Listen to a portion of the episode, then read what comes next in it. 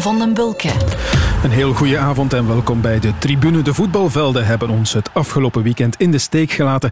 En dus laten wij op onze beurt het voetbal in de steek en kiezen we vandaag voor de koers. Redenen genoeg daarvoor, dat ontdek je zo meteen samen met onze twee gasten. Dag wielerjournalist Christophe van de Goor. Hey Tom, goedenavond. En goedenavond ook Thomas de Gent. Goedenavond. Dag Thomas, jij uh, spreekt ons toe vanuit Semmerzaken bij je thuis, want uh, naar de studio komen was uh, blijkbaar een beetje moeilijk. Je had een drukke dag, heb je mij verteld, hè? Ja, toch wel behoorlijk drukke dag. En over twee dagen vertrek wel weer naar de volgende koers. Dus ja, die dagen dat ik dan thuis kan zijn, probeer ik echt wel thuis te zijn bij de kinderen. Ja, de Ronde van de Emiraten, dat is die volgende koers. Hè? Um, je eerste koers sinds de Giro van oktober vorig jaar. Ben je er klaar voor? Ik denk het wel. Ik hoop toch van wel. De, het seizoensbegin is helemaal anders dan andere jaren. Maar misschien was het iets niet slecht om, om eens iets anders te doen. Ja, want normaal gezien uh, rij je dichter bij huis, denk ik, hè? Uh, nee, normaal gezien doe ik uh, Tour dan Under. Ja, dat is nog verder. Drie, drie weken ja. in, in, Spanje te trainen tot aan Parijs-Nice. Dus nu mm. was het, is een volledig andere voorbereiding. Maar qua conditie denk ik niet echt dat dat slechter gaat zijn. Het is alleen ja, een beetje een vraagteken hoe dat met competitieritme zit. Als ik het rittenschema bekijk van de UAE-tour, de Ronde van de Emiraten, dus vier ritten voor de sprinters, twee voor de klimmers en een individuele tijdrit. Is daarbij iets voor jou weggelegd of is het vooral, uh, zoals je zegt, misschien naar het ritme zoeken, ritme opdoen? we hebben Caleb die wil sprinten, dus die vier sprintritten zal ik mij wel te diensten stellen van de ploeg om op kop te rijden. Ehm, die tijdrit ga ik sowieso vanuit. En dan die twee bergritten. Uh, bergritten, twee aankomsten bergop. We hebben Harm van Hoeken mee, die waarschijnlijk wel een klassement zal proberen rijden. Mm -hmm. Dus ik ga hem proberen zo lang mogelijk bijstaan en dan uh, hem op het gepaste moment afzetten. Zoveel mogelijk van voor. En voor mij dient het vooral om, om competitieritme op te doen en zoveel mogelijk afzien elke dag. Dus dat zal, uh, zal nodig zijn voor Parijs-Nice. Ja, veel schoon volk daar hè, in de Emiraten. Uh, Pogacar, Van der Poel, Ghana ook. Uh, ja, grote namen allemaal. Ja, dus, het, is, het is een populaire koers, heb ik de voorbije jaren gemerkt. Uh, het is mild weer, uh, mild, ja, warm weer zelfs. Dus qua eerste koers gaat dat voor velen wel ideaal zijn in plaats van uh, of Tour de la Provence, dat al een keer slecht weer kan zijn. -hmm denk ik wel dat voor uh, een Pogacar en zo, dat die uh, al een keer liever een beetje warmer weer hebben. En ook ja, zijn ploeg is vandaar, dus die zal niet anders kunnen dan uh, daar zijn ja. beste beentje voor te zetten. Ja, dat is ook waar. Gaandeweg Tom ook de rol overgenomen van Qatar en Oman. Hè. Dat waren tien jaar lang de geliefkoosde wedstrijden, voorbereidingskoersen, ook in, in dat warme oosten, zeg maar, voor heel wat renners van, van bij ons. En ja, die ronde van de Emiraten heeft hij nu wel een beetje overgenomen, die rol. Ja. Het is ook daar dat het vorig jaar allemaal begon met corona in de koers. Hè. Dat, ja, dat is dat. een jaar geleden. Een ondertussen, jaar we zijn er nog niet vanaf. Absoluut. Met uh, jongens uit het team van de Emiraten, om Gaviria niet te noemen, die daar, uh, ja, hoe lang was het? Bijna twee, drie weken lang hebben vastgezeten. Hè? En ook Arnaud Demar, je herinnert je nog eigenlijk de beelden van in een hotelkamer, zoals de tennissers nu afgelopen Australian Open. Hallucinant, dat is al een jaar geleden inderdaad. Ja. ja.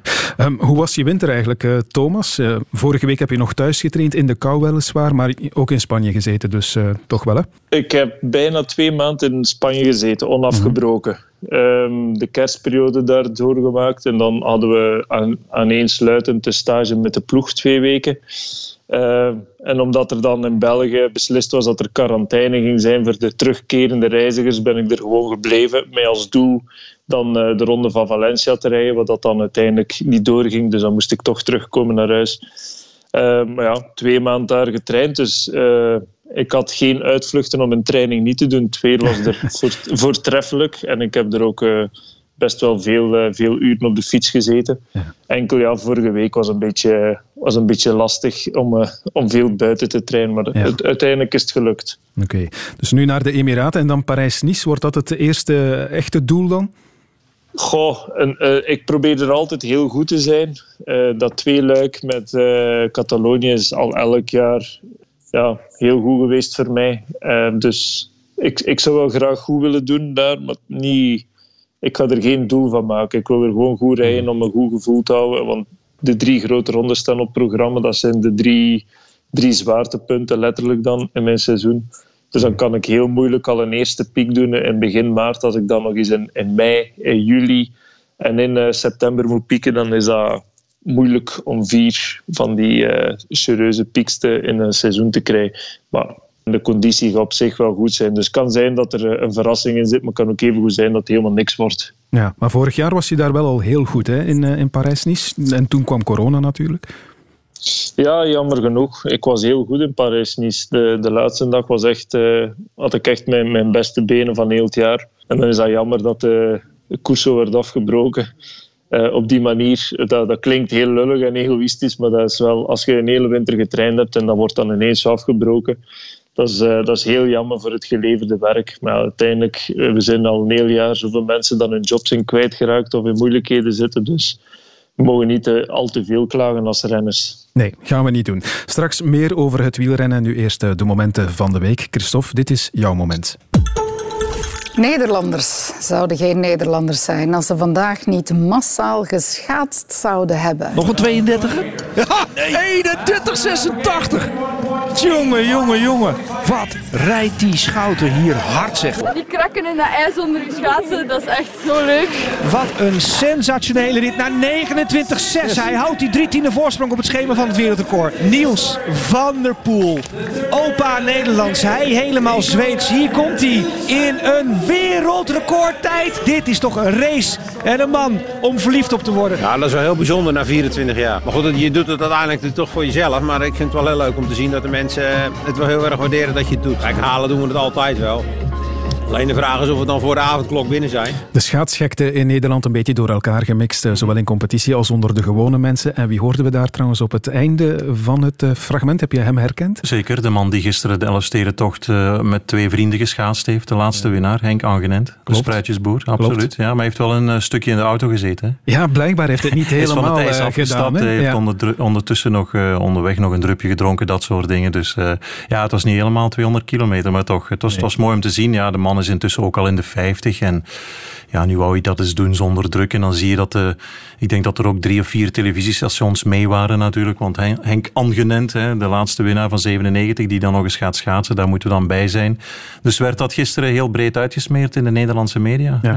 Heb je dit gekozen eh, wegens de Elfstedentocht en de, mogelijke, de mogelijkheid die er misschien was om het te doen? Of, of was er een andere reden? Ja, eigenlijk wel, omdat ik het geluk heb gehad destijds als losse medewerker. Ik was toen, toen nog maar twee jaar aan het uh, werk hier op de VRT. Uh, dat ik toen van onze bazen, Tom, naar de Elfstedentocht mocht in 1997. En ik was toen enorm schaatsgek. Kende bijna het halve marathonpeloton uh, van, uh, van Bentum, noem maar op. alle Angenens, Erik Hulzebos, mm Bert Verduin, noem maar op. Arnold Stam. dat soort. Ik was toen echt bijzonder schaatsgek. Ook wat betreft het lange baanschaatsen, het snelschaatsen, zoals wij dat dan noemen. Met Rintje Ritsma, Zandstra, Johan Olaf Kos. Mannen van de lange afstand, de 5 en de 10 kilometer, die nu denk ik achter hun oren krabben wanneer ze die tijd zien van uh, de zweet uh, van der Poel. Mhm. Op die 10 kilometer, dat nieuwe wereldrecord. Maar dat doet mij ieder jaar weer opnieuw. En zeker vorige week met die gekte natuurlijk. Van het ogenblik dat er een beetje ijs is, dan wordt Nederland, zoals wij, veldritgek, worden zij schaatsgek. En uh, ja, dat doet mij dan terugdenken aan een van de mooiste momenten toch wel in, in mijn uh, leventje als verslaggever, zeg maar, dat toen helemaal de mist inging. Die, uh, die uh, laatste kilometer die ik moest verslaan, de sprint met vier. En dat had toen, ik wil, ik dat is een lang technisch verhaal hoor, maar we, we werkten toen in die tijd met ISDN-lijnen en die kregen in een bepaalde radiostudio een voorrang, heette dat. En uh, ik had al een flits gedaan bij Levende Lijven op Radio 1. Dat was toen een live show in de AB met Betty Mellaert zonder meer. Maar Jan Houtenkiet presenteerde ook zaterdagmiddag een programma op Studio Brussel. Die had mij ook in zijn programma gevraagd met een flits. Maar die had de voorrang, zoals het dan heet technisch, mhm. niet terug aan de Radio 1-studio gegeven. En het was finale, de sprint, de laatste kilometer. En Jan Houtenkiet, ik zal het nooit vergeten, start uh, Saturday Night van uh, Herman Brood en his Wild Romance. En ik heb dus met Saturday Night op mijn oor oh, nee. de laatste aankomstflits moeten doen. En ik had toen absoluut niet de reflex om mijn hoofdtelefoon af te geven. En dat trok eigenlijk op niks en jarenlang. Uh, tot op de dag van vandaag. Ook mijn vrouw die lag mij daar vaak mee uit. Omdat ik in die flits vaak gezegd heb: even kijken, even kijken. Ik kom met, ja, het trok eigenlijk op geen. Ja, vul zelf maar in. Ja, maar goed, uh, we zijn allemaal jong geweest en beginner geweest, hè, Christophe. dus, dus um, nee, nee, ik herinner me trouwens ook nog dat Michel Wuits toen deed voor Absoluut, televisie. voor televisie, ja. ja, ja. En ik heb op die bonkenvaart uh, nooit meer zo koud gehad als toen in mijn hele leven. Dat was ook, ik ben het nog eens even gaan opzoeken, het was inderdaad... Um, gevoelstemperatuur min zoveel, min 15, omdat er heel fel, felle wind stond. 5, 6 Beaufort, dat zie je ook. Het is een hele zware editie, gewonnen door Henk Angenent. En ja, maar het was, was fantastisch gewoon. En nadien dan als, als klein verslaggevertje een interview mogen doen met die spruitjesboer. En, en dan ja, ook een beetje, zoals de Nederlanders dat wel kunnen, een beetje hotijn naar beneden kijken van wat kom jij Vlaming hier over ons schaatsen vragen, maar je dan toch nederig opstellen. En ach ja, leuk. Leuke herinnering. Dat fragment van de finish, dat gaan we jou niet meer aandoen. Maar nee, maar ik wil wel even laten horen hoe de 23 of 24 jaar jongere Christophe van de Goor toen klonk. Christophe van der Goor, dat is onze man daar in uh, Leeuwarden, geloof ik. Dag Christophe. Ja, wij nog altijd in Leeuwarden hier, waar het uh, volksfeest nu toch al volop aan de gang is. Vooral hier in de feesthallen in uh, Leeuwarden, waar heel wat schaatsers en publiek zijn samengekomen, maar ook nog steeds aan de aankomststrook op de Bonkenvaart in Leeuwarden.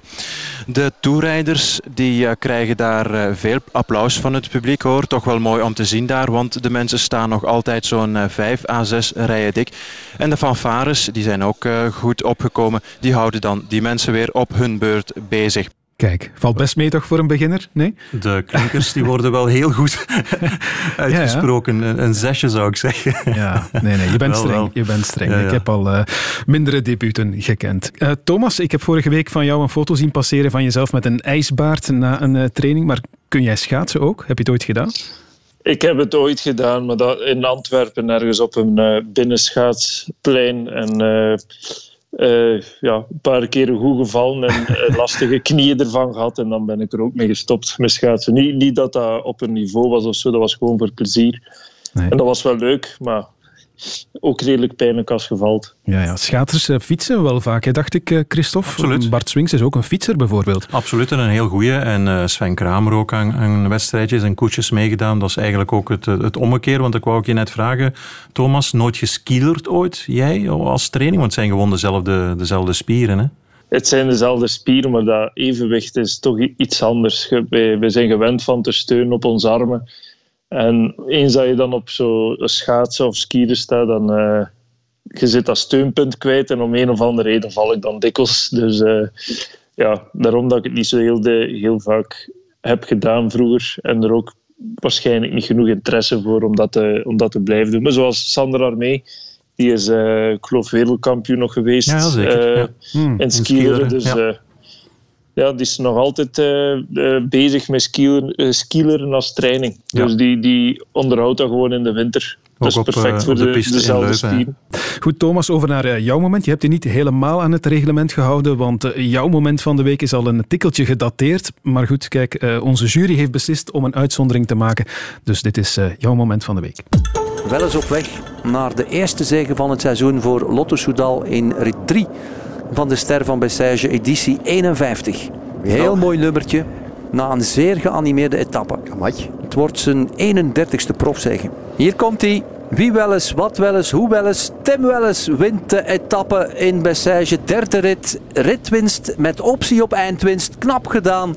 Tim Welles. Die optie op eh, de eindwinst heeft hij ook genomen. Tim is een goede vriend van jou natuurlijk, Thomas. Maar is dat de enige reden waarom je dit gekozen hebt? Vast niet. Nee, er zijn nog andere redenen. Um, binnenkort wordt uh, het Belgische seizoen op gang geschoten met omloop het, uh, het nieuwsblad. En ik denk dat Tim nu wel bewezen heeft dat hij uh, in polepositie ligt, ligt om die te winnen. om het zo bouw te kunnen stellen. Mm Hij is denk ik nu toch wel een van de topfavorieten voor die koers. En ik kijk er echt naar uit om, om die op tv te kunnen zien. Ja. hopelijk kan ik hem op tv zien. En hopelijk staat Tim dan op uh, positie 1. Dat zou, dat zou heel mooi zijn voor de ploeg en vooral voor Tim zelf ook. Dan heeft hij eindelijk een, uh, een klassieker uh, op zijn naam staan. Ja, dat is waar. Hij is vorige week wel na twee ritten uit de Ronde van de Provence gestapt. Een beetje ziekjes blijkbaar. Weet jij hoe het met hem gaat? Het was meer uit voorzorg. Het is niet dat hij, dat hij doodziek uh, niet meer kon starten. Het is meer uit voorzorg. Hij weet wat dat, wat dat belangrijkste is.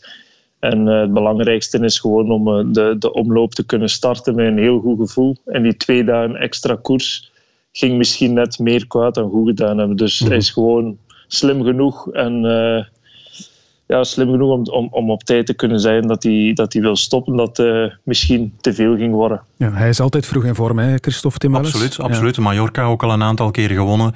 Um, hij is eigenlijk, om het heel kort weg, misschien te kort door de bocht te zeggen, de man van het voor- en van het najaar. Hè. Hij is altijd goed in het begin. Mallorca, noem maar op, tot en met um, ja, Brabantse pijl die hij gewonnen heeft. En dan zie je dat hij soms tegen zijn zin, mm, ja, meestal wel naar de Ronde van Frankrijk moet. En dan komt hij met die goede vorm komt hij weer boven water in eh, de maand augustus, september. Hè. Kijk maar naar zijn uitslagen. Ronde van Polen, de Eneco Tour, Bing Bang eh, Tour, altijd in augustus.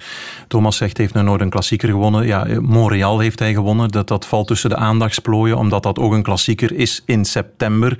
Maar de renners die daar waren, dat was echt een heroïsche editie. Uh, koud, regen, wind. Het was ook een Van Avermaat heeft dat achteraf gezegd. Een van de strafste stoten die hij ooit van een collega gezien heeft. Tim Welles in Montreal. Maar toch, hij is altijd. En, en dat ja, in ene zin, ene kant verbaast me dat. Dat het wanneer het echt om de grote knikkers gaat, dan is het uh, meestal net niet. Maar ervoor en nadien altijd uh, wel. Ja, Thomas, um, het is al vaak gezegd hè, als het over Tim Welles gaat. Die grote klassieker, wanneer komt hij er nu? Um, de omloop, daar zit je hem dus echt wel op één dan, uh, zoals je zei. Je gelooft er echt in.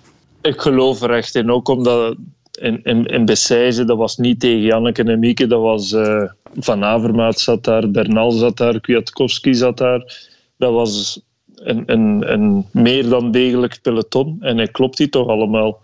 Mm-hmm. Volgens mij is hij echt wel een. Ik ben zeker dat hij een goede doen is. Ik, ik heb met hem getraind en ik weet uh, wat dat hij op stage kon. En hij is alleen maar een stijgende lijn gegaan. Dus ik denk wel dat hij, dat hij gewoon op en top klaar is voor een, uh, in de omloop te kunnen verrassen. Ja, zegt nu, daar... dat ik het gezegd, ja. nu dat ik het gezegd heb, is het geen verrassing nee, nee, natuurlijk. Nee.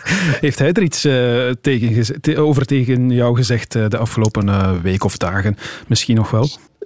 Hij zelf niet, maar we hebben dezelfde trainer en mm. die, spreekt er, die spreekt er dikwijls over. Dus ik, ik weet dat hij gewoon heel goed in vorm is. We zetten hem onze tiercé, Christophe. Ja, Thomas, ik wou eens even vragen. Jullie zijn kamergenoten, goede vrienden, al zo lang. Hebben jullie het er over alles gehad, over het feit, wat, wat ik net aanhaalde, hè, dat Tim in, in de, ja, zeg maar de juli-periode, de juli-maand, dat het dan vaak net niet is, maar wel ervoor en nadien? Of wat is, wat is jouw mening daarover, of verklaring? Want ja, een paar weken geleden ook nog, hè, toen hij bij Sage won, dan zie je ook de krantencommentaren dat de, lovend, ja, maar uh, de echt grote klassieker of de rit in de Tour, daarop blijft het en is het wachten. Wat, wat is jouw mening? Hebben jullie daar alles over gehad? Wat de verklaring kan zijn? Het is niet dat we er uh, dikwijls over spreken, maar ik denk dat veel ook te maken heeft met zenuwen. Het feit dat die koersen door heel veel renners worden aangestipt. Uh, er zijn er zoveel die speciaal pieken naar die klassiekerperiode of naar die tourperiode. En het is gewoon niet gemakkelijk om dan te winnen. Dan moet alles meezitten. Je moet zelf 100% in vorm zitten. En als je dan die dag uh, iets minder bent of uh, je bent gevallen, je bent ziek geweest de week ervoor, dan, ja, dan, uh, dan heb je gewoon dan heb je gewoon pech in de benen niet om, om er te kunnen winnen. Zeker in de Tour is dat elk jaar erger en erger aan het worden. Je moet er al op 100% starten en dan nog moet je geluk hebben om een rit te winnen. En de vorige jaren is hij dan ofwel tijdens die tour gevallen of ziek geworden, zodat hij moest opgeven of dat hij gewoon niet tot zijn recht kwam. En dan uh, twee jaar terug reed hij er, uh, denk 16 dagen in de bolletjestrui rond. Dus ja, sindsdien is hij wel iets meer verliefd geworden op de Tour. Daarvoor was het zo haat-liefde verhouding. En dan dit jaar kon hij ook niet starten in de Tour door een valpartij de, de week ervoor. Dus uh, hij, het heeft soms ook gewoon met, met pech te maken. Ik denk niet dat zijn moteur te klein is voor, uh, voor een koers als Luik Bastenaken Luik te winnen. Het is gewoon ongelooflijk moeilijk om Luik Bastenaken Luik te winnen tegen Alaphilippe, tegen uh, Roglic dit jaar en tegen Pogacar. Tegen die mannen, dat, dat moet je gewoon Voelsang. De, ja. best, de, de, beste, uh, de beste versie van jezelf zijn om daar te kunnen winnen. Dat is niet gemakkelijk. Hmm. Goed, de naam is al gevallen, denk ik. Ala Philippe, gaan we het ook over hebben. De tribune. Want als Tim wel eens de omloop wil winnen, dan zal hij toch voorbij deze man moeten. Ouais, non, non, c'est une super, euh, super reprise. Voilà. Très content de, de la forme, euh, très content du Tour de, de, la Provence en général. En règle générale, on a, on a vraiment euh, pris du plaisir avec euh, des belles victoires. On a essayé encore aujourd'hui et, voilà, on peut être satisfait de notre semaine. Tout ce qui arrive maintenant va être très important. J'ai un gros programme jusqu'à Liège-Bastogne-Liège, donc c'est que des courses qui, uh, qui, me, qui me plaisent et uh, voilà, où, où, je suis motivé, donc uh, je vais donner le maximum. Dat was uh, Julien Alaphilippe vorige week tijdens de Tour de la Provence. Hij zal een grote doen, hè, Christophe, ja, ja. blijkbaar. Ja, die handblessure, daar hoeven we ons geen zorgen meer om te maken, denk ik. Is hij dan de grote favoriet niet voor de omloop in? Ik denk het wel, want hij staat inderdaad ook op die startlijst. En tot en met Luik-Bassenaken-Luik gaat hij samen met Van Aert en Van der Poel, die wel niet te zien zullen zijn in dat openingsweekend, gaat dat het te kloppen trio zijn. Zeg maar het trio van, van de finale van de Ronde van Vlaanderen voor de val van de wereldkampioen. En ja, inderdaad, als je, als je de beelden ziet ook op de flanken van de Ventoux, uh, dat hij al met die Colombianen dartel mee naar boven gaat. Weliswaar zeer goed geholpen door Mauri van Zevenand, maar toch nu al, zoals je terecht zegt, in grote vorm. Vorig jaar debutant in de Ronde van Vlaanderen en hij doet daar al zonder die val mee voor de overwinning. Ja, wat kan die man niet uh, topfavoriet in, in het, op het WK en, en gaan waar iedereen weet dat hij zal gaan en dat ook kunnen. Dus waarom zou hij dan problemen uh, moeten mm-hmm. tegenkomen misschien in omloop het nieuwsblad? Uh, goed, de focus zal ook wel meer liggen op een Vlaanderen, hè, want die revanchegevoelens die gaan enorm zijn. Um, idem dito voor Luik-Bassenaken-Luik, waar hij dan toch die fout alweer maakt in die sprint. Dus uh, ja, dat zou wel eens een, een, een, zeer grandioos voorjaar kunnen worden voor, voor Alaphilippe. Dat, dat klopt. Thomas, hoe kijk jij naar de renner uh, Alaphilippe? Oh, ik, ik ben nog ploegmaat met hem geweest. Het eerste jaar dat hij prof werd. En dan uh, dat hij zo, uit is gegroeid tot een van de beste van de wereld. Dat had ik nooit niet zien aankomen. Want hij kwam toen over van uh, het team Armée de Terre, bij jullie? Uh, ja, denk het wel. Ik denk dat hij... Is hij misschien nog een jaar bij die belofteploeg geweest? Dat weet ik nu niet zeker. Maar hij was, als hij bij ons als hij prof werd bij Omega Pharma Quickstep toen, dan stond hij wel 5, 6 kilo dikker als dat hij nu staat. En uh, hij had nog alles te leren, maar je zag toen al dat hij, dat hij gewoon klasse had. Klasse van, uh, van een kampioen. En ja, hij bewijst dat nu op, uh, op bijna alle terreinen, dat hij gewoon overal kan meedoen. Mm-hmm. ik verschoot er zelf van dat hij op de Mont Ventoux meedoet met Bernal bergop. Hij heeft dat wel in de Tour al gedaan, maar zo vroeg op het seizoen, dat is, uh, dat is, dat is wel straf. Dat, dat, wil ook zeggen dat hij gewoon heel goed in vorm zit. Oftewel is zijn basisniveau gewoon al zo hoog geworden, dat hij als spelenderwijs dat gewoon kan meedoen met Bernal. Ja, ik hoorde de commentator op uh, Eurosport zondag nog zeggen dat uh, Alaphilippe de vijf grote monumenten kan winnen. Ja, ik weet het niet, misschien enkel achter Roubaix en vraagteken? Ja, Roubaix dat gaat een beetje moeilijk zijn. Daar is hij misschien uh, te licht voor. In gewicht niet een moteur, maar in, in gewicht... Ja, dan, gaat hij misschien wel problemen hebben op de kasseien. Maar zeg nooit nooit. Het is, het is een straffe coureur die dat, gerust wel kan als hij hem er echt op focust. Als hij vier van de vijf kan winnen, is ook al mooi, denk ik. Ja, ja. Over die uh, vijf monumenten gesproken. Ik denk er net nog eens aan, jouw ploegmaat Philippe Gilbert. Um, rijdt geen Parijs-Roubaix dit seizoen. Uh, zet wel nog eens alles op alles voor Milaan-San Remo. Hij blijft er blijkbaar toch nog in geloven. En terecht, waarom niet? Het is een mooie doelstelling. En ik uh, denk wel dat hij nog altijd de benen heeft om te winnen. Maar alles moet meezitten in zo'n koers. En ja, als je ziet wie dat er allemaal opkomt uh, als kandidaat-winnaars, met, met Van der Poel, die dat waarschijnlijk ook wel uh, zijn zin er een beetje op zet, met Van Aert en Alaphilippe. Je weet gewoon dat dat moeilijker en moeilijker gaat worden. Maar waarom niet? Je kunt maar proberen. En als dit als doelstelling heeft, iedereen van de ploeg zal hem er wel in steunen. Hij kan ook moeilijk anders natuurlijk. Hij is op die leeftijd gekomen, heeft alles meegemaakt. Vier van de vijf monumenten gewonnen, wereldkampioen, rit in de Tour, in alle grote ronden. Wat blijft dan over? Ja, tot vervelens toe moet je hem dat dan vragen. En eh, onlangs ook nog toen we in Spanje waren voor eh, interviews op stage bij Lotto, zei hij hetzelfde van ik heb dat al duizend keer, mille fois gezegd, Milan Sanremo. Uh, ja, het is ook het enige dat hij nog kan zeggen natuurlijk, hè, omdat dat uh, nieuw is en zo'n jongen nieuw is voor hem in zijn oude carrière, met alle respect. Maar dat soort mannen hebben dat ook gezien bijvoorbeeld in het motocrossen bij Stefan Everts. En die, die leggen op een bepaald ogenblik uh, speciale doelen om met dat laatste tikkeltje nog in dat krantje te komen waar, van de allergrootste die uitzonderlijke dingen hebben gepresteerd. En Gilbert weet, als ik uh, Sanremo kan winnen, dan kom ik in dat allerhoogste rijtje waar hij nu al jaren tegenaan zit te hikken. Maar goed, ja, dat zou je een hiaatje kunnen noemen, uh, Sanremo. En daarom, maar ik, ik deel ook volledig de mening van Thomas de Gent. Als je ziet de laatste de laatste jaren. Het, het wordt al maar moeilijker. Hij heeft het zo vaak geprobeerd. Tom Bonen ook zo vaak naar daar gegaan. Niet gelukt. Het is verdorie een moeilijke koers. Zeker met die nieuwe kleppers die daar nu al zijn. Van der Poel, Van Aert, Ala Philippe. Ga er maar aan staan. Zeker. Uh, eerst nog eens terug naar uh, de Tour de la Provence. Uh, mm -hmm. De wilde bij de Koning Quickstep was wel meteen weer zichtbaar. Hè? Met uh, ja, dus Alaphilippe, twee ritzeges voor Ballerini. En dan ook nog die jonge Belg die zich bergop in de kijker gereden heeft. Hè? Mauri van Zevenand, je hebt hem al even genoemd veel lof gekregen en terecht, denk ik. Absoluut. En, en dan komt hij over de streep en dan gaat hij zich dadelijk verontschuldigen ja. bij Alaphilippe om te zeggen van ik heb uh, te weinig voor je kunnen doen, terwijl hij dan nog uh, in de top uh, 10 eindigt. Nee, nee, heel knap. En, en ja, een tijdje geleden hebben we hem voor een podcast ook een uur mee gebabbeld. En dat is, ja, moet ik dat zeggen, dat is de, de ontspannen, relaxte, sterke boerenzoon die ook van niks bang is ogenschijnlijk. Die zich heel goed op zijn gemak voelt bij de Koning Quickstep, waar een groot deel van de entourage, uh, ploegleiders, maar vooral ook uh, personeel uit West-Vlaanderen zijn. Zijn vader zei het ons ook van misschien is dit wel de ploeg voor zijn leven als hij zich daar goed voelt. En dat is vaak wel heel belangrijk voor een renner. Je moet je ergens goed voelen. Dat is meteen het geval. Het is een lefgozer, anders ga je vorig jaar niet tot in de finale in de Waalse Pijl aanvallen natuurlijk. Goed, dat hij achteraf riep van ik had kunnen winnen, dat trekt hij nu ook wel uh, terug. Dat was een beetje over het paard getild, weet hij ook wel. Maar ja, die jongen weet waar hij mee bezig is. En ik denk dat dat echt een, een ja, heel... Um, ja, een sterke boerenzoon is met die, die blozende rode kaakjes. Eh, ja. die, die, die, zoals een Yves Lampaard niet weet waar het einde van zijn krachten uh, ligt. En hij boert ook graag. Hè? We gaan eens luisteren naar een stukje van uh, die podcast van jou, Jonge Wolven. Ja. Dit is een, een stukje eruit over het feit dat hij graag zijn eigen groente kweekt.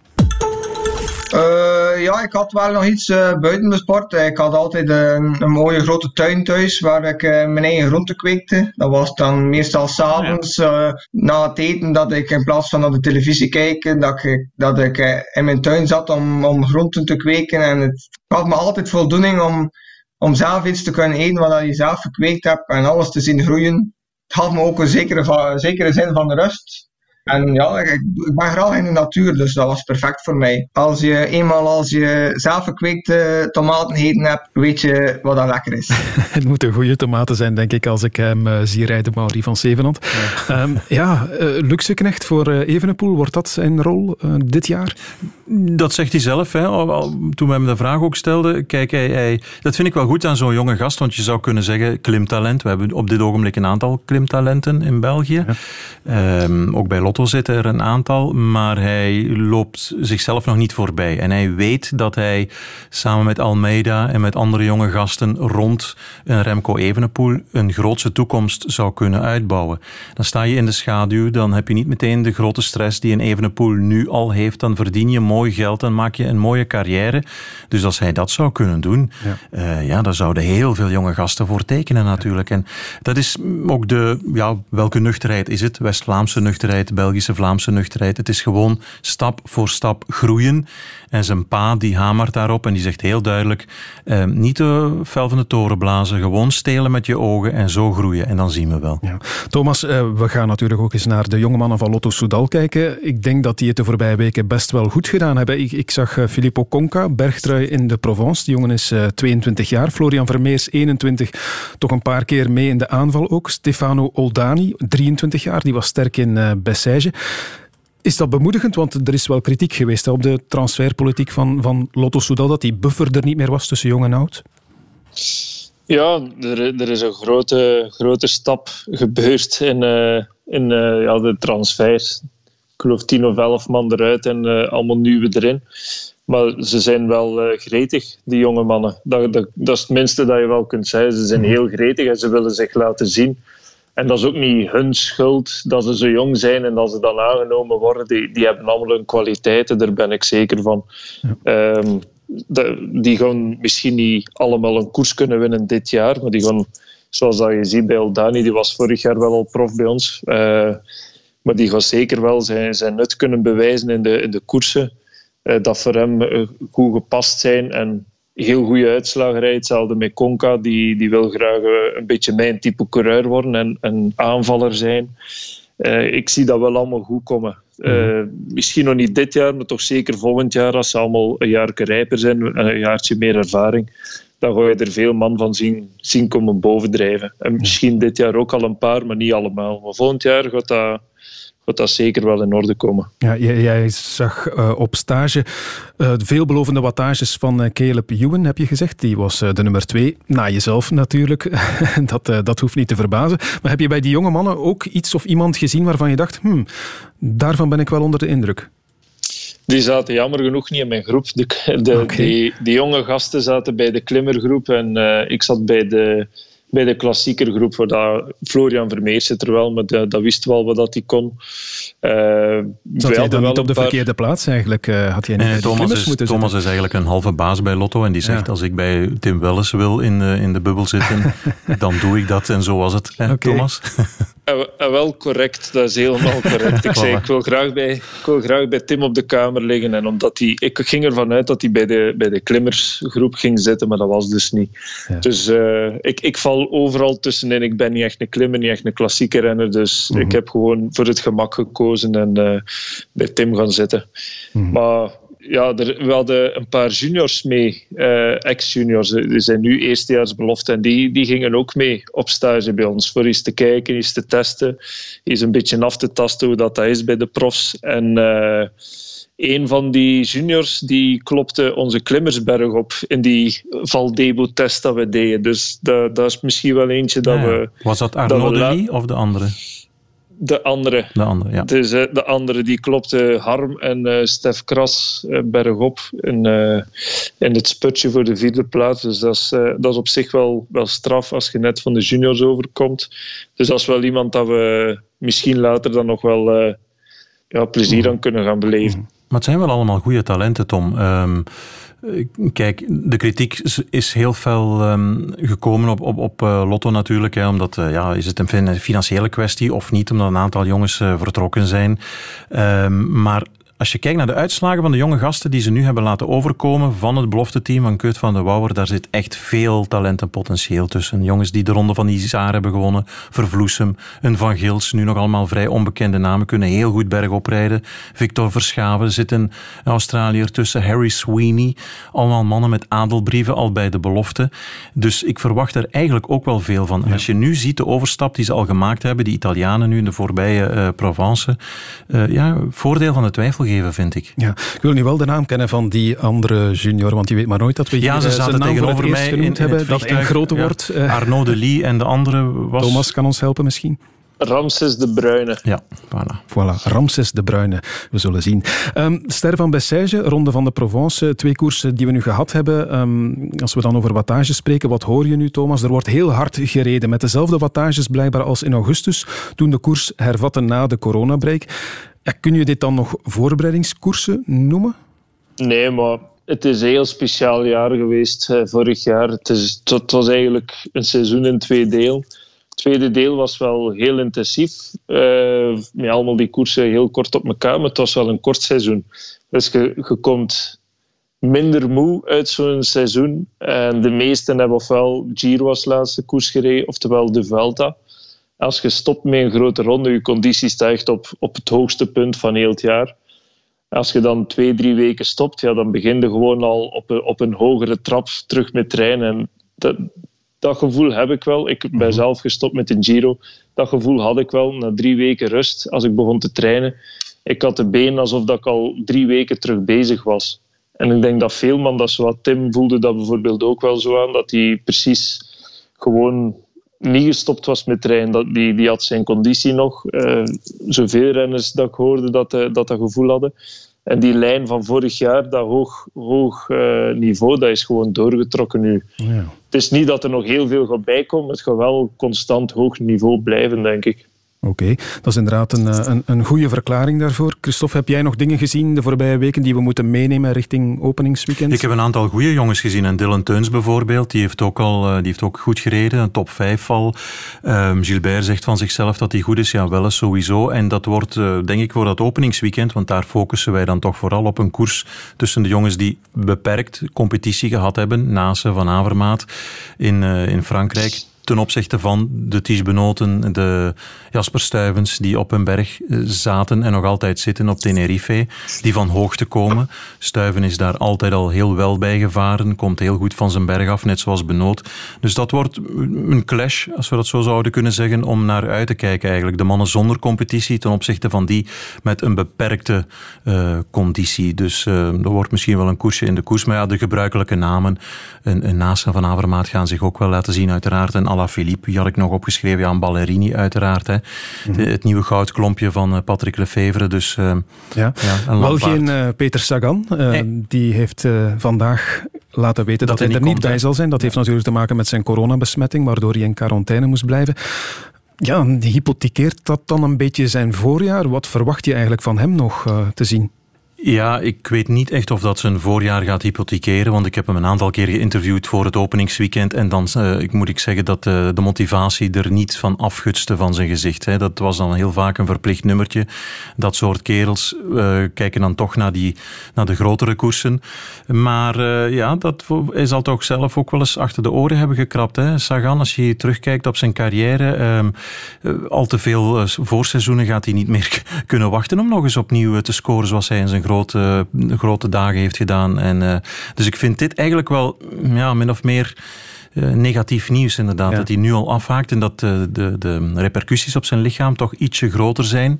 Mm -hmm. Wil men ons doen geloven dan, dan, dan we denken. Het is een vreemde vogel, dat weten we al lang. Thomas, je hebt soms het gevoel van, doet hij het nu inderdaad nog wel graag en zo? Heb, heb jij daar een bepaalde kijk op? Ja, ik denk, denk niet echt dat hij altijd even graag nog fietst op dit moment. Maar ja, in, de tour, in de Tour zal dat nog wel lukken. Dat dat een heel grote koers is, maar voorbereidingskoersen voor hem...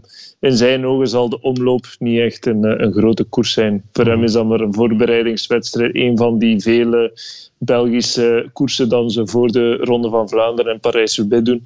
In België is dat heel groot, maar bij buitenlanders wordt dat soms nog een beetje uh, ja, klein bekeken. Dat kan kloppen, inderdaad. Is, is hij een sociaal persoon in het eh, peloton eigenlijk, Sagan? Komt hij soms eens iets vertellen? Of, uh... Uh, heel, heel zelden. Nu, deze Giro had hij iets meer te babbelen tegen mij. Maar dat is misschien omdat we alle twee uit de, uit de Tour kwamen. En ik denk dat hij hem soms een beetje eenzaam voelde. uh, dus in de, in de Giro kwam hij zo af en toe nog eens iets zeggen, maar echt veel zegt hij nu ook weer niet. Nou, verluidt een man die wanneer hij van richting verandert in het peloton zelden of nooit met zijn handje aangeeft dat hij dat gaat doen. Hè? Gewoon uh, kriskras van links naar rechts, klopt dat? Ja, maar ik zie heel weinig coureurs die het aangeven naar waar dan ze rijden. Zeker als het finale is, dan uh, iedereen rijdt maar een beetje door Ieder elkaar. Zich, ja, ja er, wordt niks meer aangegeven tegenwoordig. Zelden nog putjes of paaltjes, dat, dat wordt heel soms nog gedaan, maar meestal is het ieder voor zich. Voilà, en daarmee is het bruggetje gemaakt naar het volgende thema. De tribune. Dat is een veelbesproken thema, de nieuwe veiligheidsmaatregelen in het wielrennen. Een aantal dingen mogen straks niet meer of moeten anders. En waar het dan vooral over ging afgelopen week was onder meer over het afdalen al zittend op de buis van je fiets, de zogenoemde supertuck. En wat uh, Kwiatkowski hier nu doet, is straks verboden. Uh, ja, in de toekomst, ja. Vanaf 1 april is dat mogelijk bestraft met de uitsluiting. Zou hij het al weten? Ja, dat is geen aprilgrap, hè.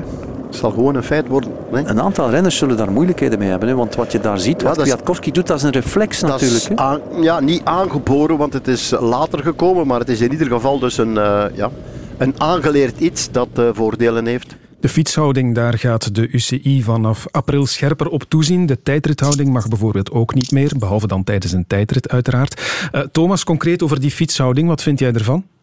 Ik vind dat wel jammer dat dat, dat allemaal verboden gaat worden. Ik, ik gebruik zelf die houding ook heel dikwijls. Dat is gewoon de snelste houding in een afdaling of die tijdrithouding. Dat is nu ja, gewoon sneller als je alleen vooruit rijdt of in een kopgroep zit of zo. Dus ja, het is, het is jammer dat dat, dat, zomaar wordt, uh, wordt afgeschaft allemaal. Vooral die, die tijdrithouding. Dat ik, ik herinner mij al van Michele Bartoli dat die ermee begonnen was. Uh, misschien als ze ervoor dat ook al deed. Sinds, sindsdien doet bijna iedereen dat. En nu ineens is dat gevaarlijk. Dus dat vind ik een beetje raar. Die supertuk, dat kan ik nog begrijpen dat ze dat willen afschaffen. Omdat ja, kinderen, juniors, nieuwelingen, die imiteren dat. Maar die, die tijdrithouding, dat vind ik uh, een beetje vergaand. Ja, er lijkt ook niks gevaarlijks aan. Hè? Je doet het als je alleen ontsnapt bent uit het peloton, misschien op weg naar, naar de finish, of als je op kop rijdt van het peloton. Maar je gaat het ook niet doen uh, als je in de buik van dat peloton ergens zit. Nee, uh, er is niemand die dat ook doet op een slechte weg. We weten allemaal, als je dat doet en je, je, je, raakt een bobbel dat je stuur kwijt bent, dat je gewoon hard tegen de grond gaat. Niemand wil vallen. Mm -hmm. Dus iedereen is wel ongeveer voorzichtig. Niet, niet heel voorzichtig, maar toch, iedereen heeft wel een, een soort niveau van voorzichtigheid eh, als die in die positie gaat zitten. Ja, wat met, dat, uh, wat, wat met dat zitten op de buis als je afdaalt, want dat ziet er natuurlijk wel heel gevaarlijk uit. Hè? Maar je hoort dan bij de renners van, ja maar kijk, wij zijn profs, wij weten heus wel hoe we op een fiets moeten zitten en daar zijn ook nog geen grote ongelukken mee gebeurd. Nee, maar ze zeggen dat dat heel onstabiel is, maar dat is dus helemaal niet. Ik zit heel stabiel op die positie. Je, je klemt met je bovenbeen en met je knieën eigenlijk je kader vast en je, je leunt op je stuur. Je kunt geen scherpe bochten pakken in die positie, maar als dat gewoon rechtdoor gaat flauwe bochten zijn, dan heb je evenveel grip, evenveel stuurvaardigheid als dat je gewoon op een fiets zit. De, dus volgens mij hebben ze gewoon puur op het zicht uh, wat, wat, wat, wat, conclusies gemaakt over die positie, maar niet gevraagd aan de renners wat is er gevaarlijk en wat niet. En dan gaan ze zoiets afschaffen. Iets dat in mijn ogen niet gevaarlijk is, gaan ze afschaffen. Maar dan gaan ze wel in, uh, in de Provence die één rit uh, de laatste vier kilometer nog vol met eilandjes laten liggen en met gevaarlijke hekken en zo. Daar wordt dan niks aan gedaan. Er zijn zoveel dingen dat ze moeten aanpassen, dat niet gebeuren. En dan iets dat geen aanpassing nodig had, dat gaan ze ineens gaan verbieden. Mm. Dus dat, zulke dingen snap ik niet. Ja, Ilio Keijsen vraagt zich ook af uh, waar die beslissingen vandaan komen en wie ze genomen heeft. Christophe, weet uh-huh. jij het? Ja, de UCI in samenspraak met vertegenwoordigers zoals Matteo Trentin, Philippe Gilbert van het peloton, ook Patrick Lefevre en Richard Plugge, managers van Jumbo en de Koning Quickstep, zijn eigenlijk tijd in het najaar al na de Ronde van Polen begonnen met een eigen initiatief uh, om uniformiteit van herkennings van gevaarlijke punten aan te duiden over nadaarhekken. Dat, uh, daar heeft de UCI ook naar geluisterd. Want we moeten toch wel opletten dat we niet alles op één hoop gooien. Hè. Kijk, deze twee fietshoudingen zijn voor profs niet gevaarlijk. Want uh, bekendste voorbeelden, die puppyhouding met de losse polsen. Tim Welles doet dat.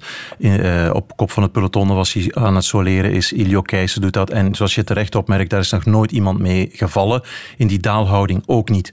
Nu, dat zijn twee punten uit een heel groot plan, waar het ook gaat over uniformiteit, over nadaarhekken, waar men een database van de laatste vijf jaar van alle valpartijen uh, heeft gemaakt om te kijken wat zijn de gevaarlijke dingen, uh, waar het ook gaat over wat moeten we doen in het geval van hersenschuddingen, wanneer iemand, dat is ook een thema geweest, dus ik weet niet wie daarmee begonnen is, misschien een of ander medium of een renner, maar die twee fietshoudingen zijn er uitgenomen en die spreken natuurlijk het meest aan, hè. dat is het meest sexy om daarover van mening te verschillen, maar volgens mij zijn dat eigenlijk maar details. Ja. Coureurs hebben gelijk wanneer ze zeggen oei, waar is de UCI zich nu mee aan het bezighouden?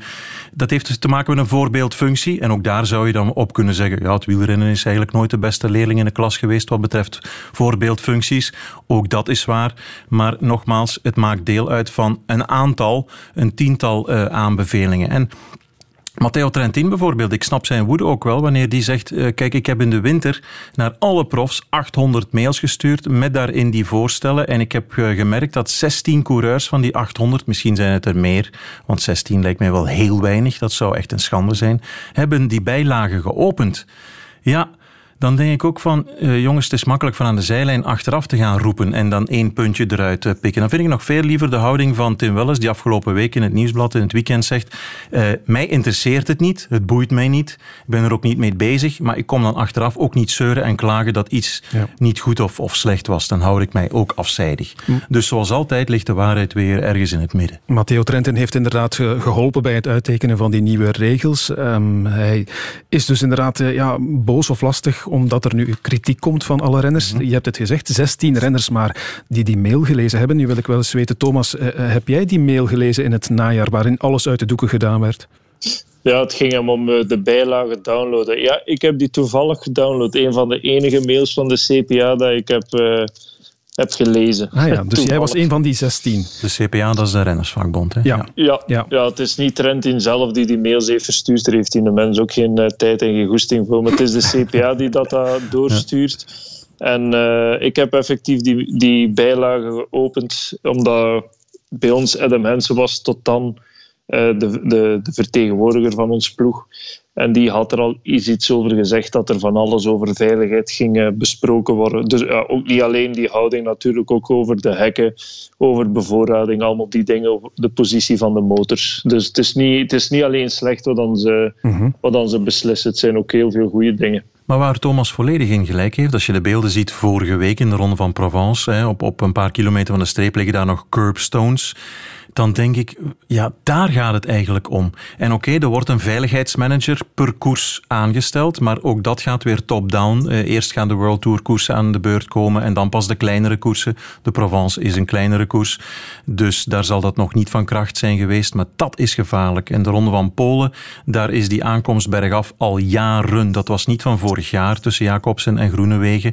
Dat wordt nu eigenlijk, is die discussie alleen maar gegaan over wie fout was, Groenewegen of Jacobsen. Nee, het gaat over een sprint waar je 80 km per uur bergaf fietst en waarvan je dat weet. En als Ronde van Polen nog bijna trots op bent, wij hebben de snelste afdaling. Zoals de Ronde van Italië een aantal jaar geleden een prijs wou geven voor de snelste daler. Dat is bijna misdadig, vind ik. Dat moet worden aangepakt, die parcours. Ja, inderdaad, klopt. Hè, want daar wordt nu aan voorbij gegaan door te focussen op die, die paar elementjes van geen bidons weggooien zomaar overal waar je wil en, en inderdaad de positie op de fiets. Maar um, Thomas, ja, je begrijpt ook wel, denk ik, de, de kritiek van, van Trentin. Die zegt van, ja, maar jongens, als jullie iets te zeggen hebben, doe het dan op het moment uh, waarop jullie erop aangesproken worden, in plaats van, zoals hij zelf zei, op TikTok te zitten. Nee, daar geef ik hem gelijk in. Dat, dat is gewoon zo. Renners zijn gewoon niet ja, niet echt bezig met, met alles wat daar rond het koersen komen kijken. Maar we, niet, niet dat dat ons niet interesseert, maar we hebben er soms gewoon geen tijd en geen zin meer voor om mails te liggen beantwoorden over iets. Zeker op de periode dat dat dan was, die mail, dat was eh, begin november. De meesten zitten in rust. Dan ligt mijn gsm ook gewoon drie weken aan de kant en hoef ik helemaal niks van de koers te weten op dat moment. Dan sturen ze die mail. Als er zoiets is, bijvoorbeeld over veiligheid, dat met positie van renners te maken heeft, dan kunnen ze ook evengoed een soort van, uh, een soort van survey doorsturen en vragen aan iedereen. Kun eens antwoorden op die vraag wat dat Gulder belangrijk vindt. En dan weten van alle renners wat, dat ze, wat dat ze min of meer gevaarlijk vinden of niet gevaarlijk, wel belangrijk of niet belangrijk vinden. En dan hebben ze ook wel een beeld wat dat er speelt in het peloton. Mm Vindt het peloton uh, bidonnen weggooien erg? Uh, wat dan ze wel erg moeten vinden, is er meer veiligheid nodig op uh, bevoorrading of, of uh, die houding. Dan weten ze dat beter en kunnen ze er ook gemakkelijker mee naar de UCI stappen en zeggen we moeten dat verbieden of aanpassen.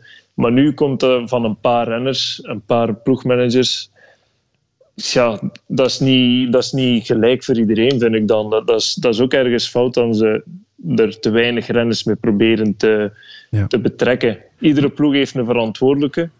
Maar die werden niet allemaal betrokken in dat gesprek.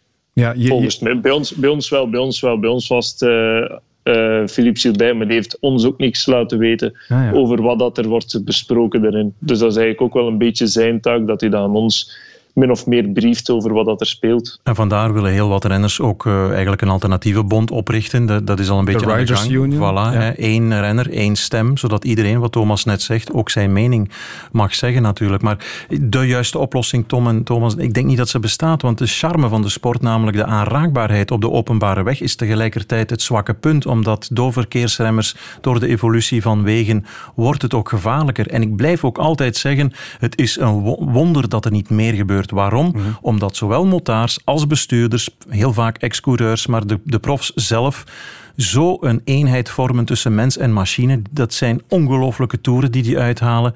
Chapeau daarvoor. Dus het had nog veel erger gekund. Maar net omdat iedereen zo behendig op de fiets is, gebeurt er zo weinig. En, en als ik nog één ding, die afdaling in de ronde van Lombardije. Bakelands, De Plus, Evenepoel daar moet dan toch een onafhankelijke los organisatie, los van welke Mhm. belangen dan ook, zeggen van jongens, dit gaan we niet meer doen, die afdaling van die Muro di Sermano. Maar ja, dat is een, leuke, een zeer leuke klim. Ja. Eh, Thomas, je zei daarnet dat je de, de mail van het veiligheidsplan wel gelezen had, maar bijna alle andere mails van de CPA, de rennersvakbond, eh, niet. Is dat omdat je niet gelooft dan in die vakbond? Eh, ik hecht heel weinig geloof in de vakbond, omdat die ons al een paar keer heeft voorgelogen eh, dat ze met organisatoren zijn gaan babbelen, terwijl dat ze dat niet hebben gedaan, gewoon om ons stil te houden. Als voorbeeld eh, de Giro van vorig jaar, die rit dat dan uiteindelijk werd gehalveerd. Eh, er waren al vragen in de CPA-groep. Dat is dan een groep met van elke ploeg wel één of twee renners. Eh, er kwam al een vraag vanuit die groep om die rit in te korten, omdat er eh, ja, regen werd voorspeld, koude, en dat was tussen die bergritten in. De verantwoordelijke van de CPA voor die koers die ging met de organisator babbelen, met Venny. Hij zei dat hij dat gedaan had, dat hij daarmee is gaan babbelen twee keer en eh, dat Venny nee zei. En uiteindelijk kwam het zo uit dat hij nooit naar Venny is geweest, dat daarom Venny zo boos, boos was op de renners dat dat voor, voor hem leek dat last minute, terwijl dat wij eigenlijk al drie dagen ervoor eh, hadden gevraagd om eens te babbelen met de organisator. En gewoon het feit al, dat, dat is meer dan één keer dat dat is gebeurd, maar dat ze tegen ons liegen en zeggen, we, eh, we hebben met de organisator gebabbeld. Hij zei nee, hij is gewoon nooit gaan babbelen. Dus hoeveel keer gebeurt dat dan niet als wij een vraag hebben? Hij moet ons vertegenwoordigen. Dus als wij een vraag hebben, eh, of bang zijn over een parcours of over eh, het weer, eh, of, of bang, bang is nu het slechte woord. Als hij dan zegt, we zijn gaan babbelen met die mensen en ze doen dat niet eens, dan, niet, dan, dan voel je je belogen inderdaad. Ja. Ja. dan kunnen die gewoon niet onze vertegenwoordigers spelen als ze, als ze dat niet doen. Verwacht dan je- heb je eigenlijk een ex-coureur voor nodig die, die echt wel aan de kant van de renner staat en niet aan de kant van de organisatoren alleen. Voilà. Verwacht je meer van de nieuwe vakbond, de Riders Union? Ehm, ja, ze moeten het nog bewijzen. Het is nog allemaal nieuw, maar ik hoop wel dat ze het beter gaan doen. En ik hoop wel dat ze, dat ze een stem gaan krijgen ook. Dat niet iets is dat, een beetje zoals Velon, dat er zo'n beetje wordt opzij geduwd, eh, stiefmoederlijk wordt behandeld en eh, dat ze proberen doodzwijgen. Ik hoop wel dat het, dat het gewoon een stem krijgt en dat we er allemaal een stem in hebben in die, in die beslissingen dan. Het begin was alvast niet goed, want Lapartien was zeer boos eh, vorig jaar tijdens het WK dat de CPA niet werd eh, geloofd. Hè. Dus eh, Ja, slecht begin. We zitten in de laatste minuut. Ehm, Dan vraag ik nog waar jullie naar uitkijken deze week. Christophe, wat, wat is dat voor jou? Naar een lenteweekend en kunnen fietsen zonder overschoentjes. Is dat zo? Het wordt 14, 15 graden, hè, dus Ah, ja. dan mogen die af. Ja. Ja, oké. Thomas, ja, voor jou komt er koers aan. Hè? Dat is weer al een tijdje geleden natuurlijk. Ja, zondag de eerste koers, daar kijk ik wel hard naar uit. Het is geleden van in de Giro, dus ja, ik Ja. eh, ben benieuwd naar de vorm. Of dat al het werk van de voorbije maanden, of dat dat effectief zijn vruchten gaat afwerpen of niet. Oké. Hoeveel ritten wint Caleb Ewan in de Emiraten? Eh, we zullen starten met één en als hij er één heeft, kan hij er een tweede bij lappen als hij wil. Oké, maar hij is goed, hè? dat heb je al laten weten. Goed, Caleb Ewan en Thomas de Gent aan de slag dus in de ronde van de Emiraten vanaf zondag is dat. Dankjewel Thomas om erbij te zijn. Dankjewel ook Christophe van der Goor.